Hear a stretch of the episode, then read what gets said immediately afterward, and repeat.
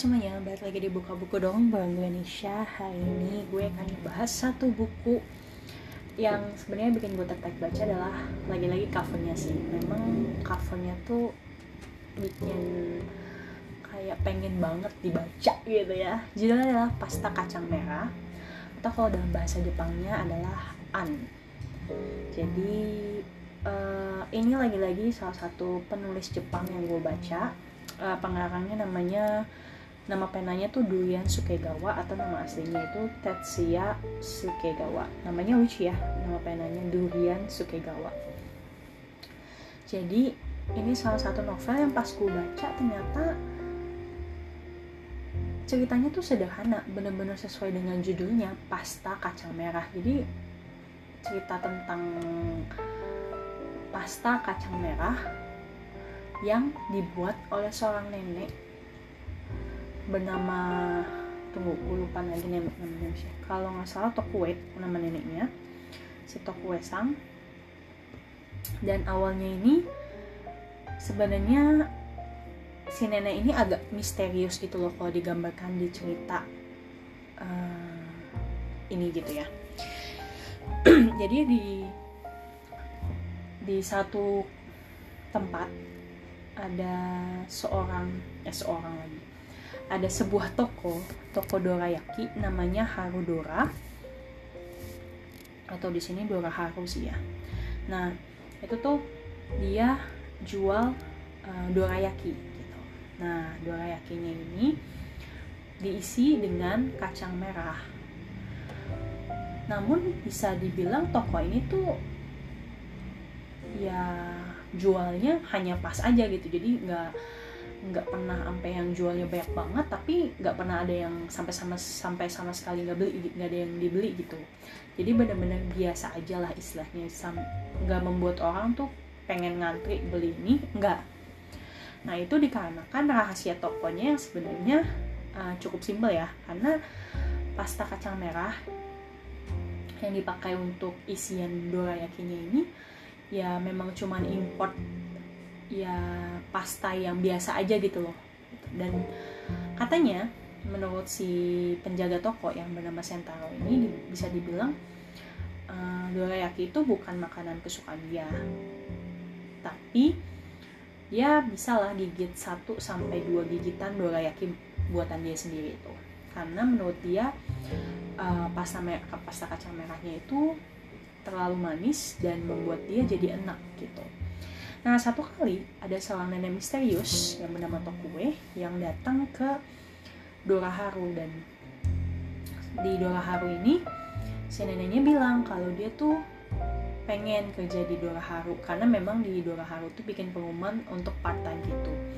Tapi karena seorang nenek yang ingin melamar jadi part timer, maka si Sentaro ini kayak wah nggak bisa kita nggak bisa menerima bahkan uh, dari segi umur aja neneknya kayaknya nggak cocok gitu ya jadi part timer di mana kalau orang jadi part timer atau dalam istilah kasarnya eh istilah bahasa Jepangnya itu arubaito itu kayak buat orang yang masih muda nggak sih? Sekolah lah atau mungkin mungkin mahasiswa mahasiswi gitu kan.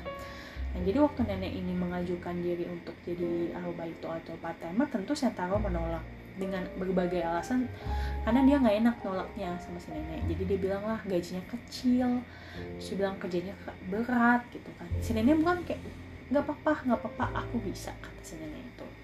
Nah sampai si nenek ini pantang menyerah nih untuk menawarkan dirinya jadi arubaito. Akhirnya si nenek ini ngasih pasta kacang merah buatan dia sendiri.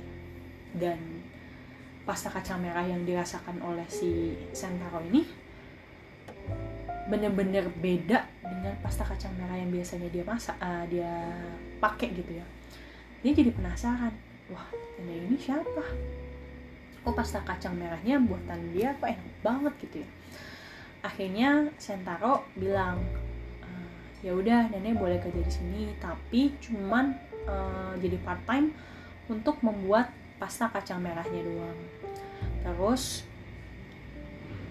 di sinilah nanti tumbuh apa ya hubungan istimewa antara si Sentaro dengan Tokue. Padahal si Sentaro ini niatnya jahat karena dia cuma pengen gue nanti akan nyuri resepnya si nenek lah gitu. Supaya nanti gue bisa buat sendiri jadi nanti nenek itu gue pecat aja kayak gitulah kira-kira. Nah di satu sisi nanti diceritakanlah sedikit latar belakang dari si Sentaro ini. Kenapa Sentaro ini harus bekerja di Haru dan nanti diceritakan lebih banyak cerita tentang kehidupan si nenek yang ternyata nenek ini mengidap penyakit lepra, kusta atau biasanya disebut penyakit Hansen. Nah di di novel ini dikupas tuh tentang penyakit Hansen dan dari segi penulisan si pengarang ini tuh kayak bikin kita tuh terbawa dengan rasa kesepiannya si nenek. Karena memang penyakit kusta sendiri ya kita tahu itu kan dulu penyakit menular yang gak ada obat tapi dia nggak mematikan. Jadi dia tuh nggak bikin penderitanya langsung mati gitu loh bukan kayak covid gitu. Tapi dia lebih kayak membuat tangan tangan tangan kaki kaki jari jari itu kayak tekuk terus um, mukanya jadi aneh gitu loh jadi mungkin secara fisik yang membuat mereka tuh dikucilkan gitu dan si nenek ini ternyata kayak gak pernah mengenal kehidupan luar karena sejak dia sakit Hansen atau sakit kusta itu dia diasingkan bahkan dikucilkan dari keluarganya sendiri gitu. Nah, cara penulisannya si novelisnya ini si siapa tadi namanya gue lupa lagi. Si Sukegawa sang itu tuh kayak bener-bener menggambarkan kesepiannya si nenek ini. Dan nanti ada satu toko lagi namanya itu nama tokohnya itu satu lagi aku lupa namanya. Wakana. Jadi di sini ada nanti diceritakan satu anak SMP bernama Wakana yang nanti punya hubungan istimewa juga antara Sentaro uh, si nenek si Tokue dengan si Wakana ini. Dan hubungan istimewanya sebenarnya bukan hubungan yang aneh kok hubungan terjalin karena mereka seperti saling berteman di masa ini gitu. Dan ini menggambarkan apa ya menurut gua hubungan yang hubungan spesial tapi kalau dipikir kayaknya hubungan biasa aja gitu tapi spesial gitu ya lagi-lagi uh, sampai di endingnya pun menurut gua memang kayak bikin kita tuh apa ya terbawa sama cerita pasta kacang merah ini sih. Walaupun menurut gue nggak ada yang terlalu spesial nggak ada yang scene yang sampai bikin kita plot twist lah atau apa enggak bener-bener sederhana banget tapi cara penulisannya alur ceritanya terus surat menyurat antara Tokue dengan Sentaro. Semuanya tuh menurut gue kayak apa ya kayak dikemas dengan baik dan bikin novelnya tuh terasa romantis gitu. Penggambarannya penggambaran tempatnya menurut gue ini salah satu novel ringan yang layak untuk dibaca sih guys. Dan gak nyangka bener-bener dari covernya itu kayak apa ya gak gue nggak salah nilai gitu dari covernya bener-bener bagus gitu.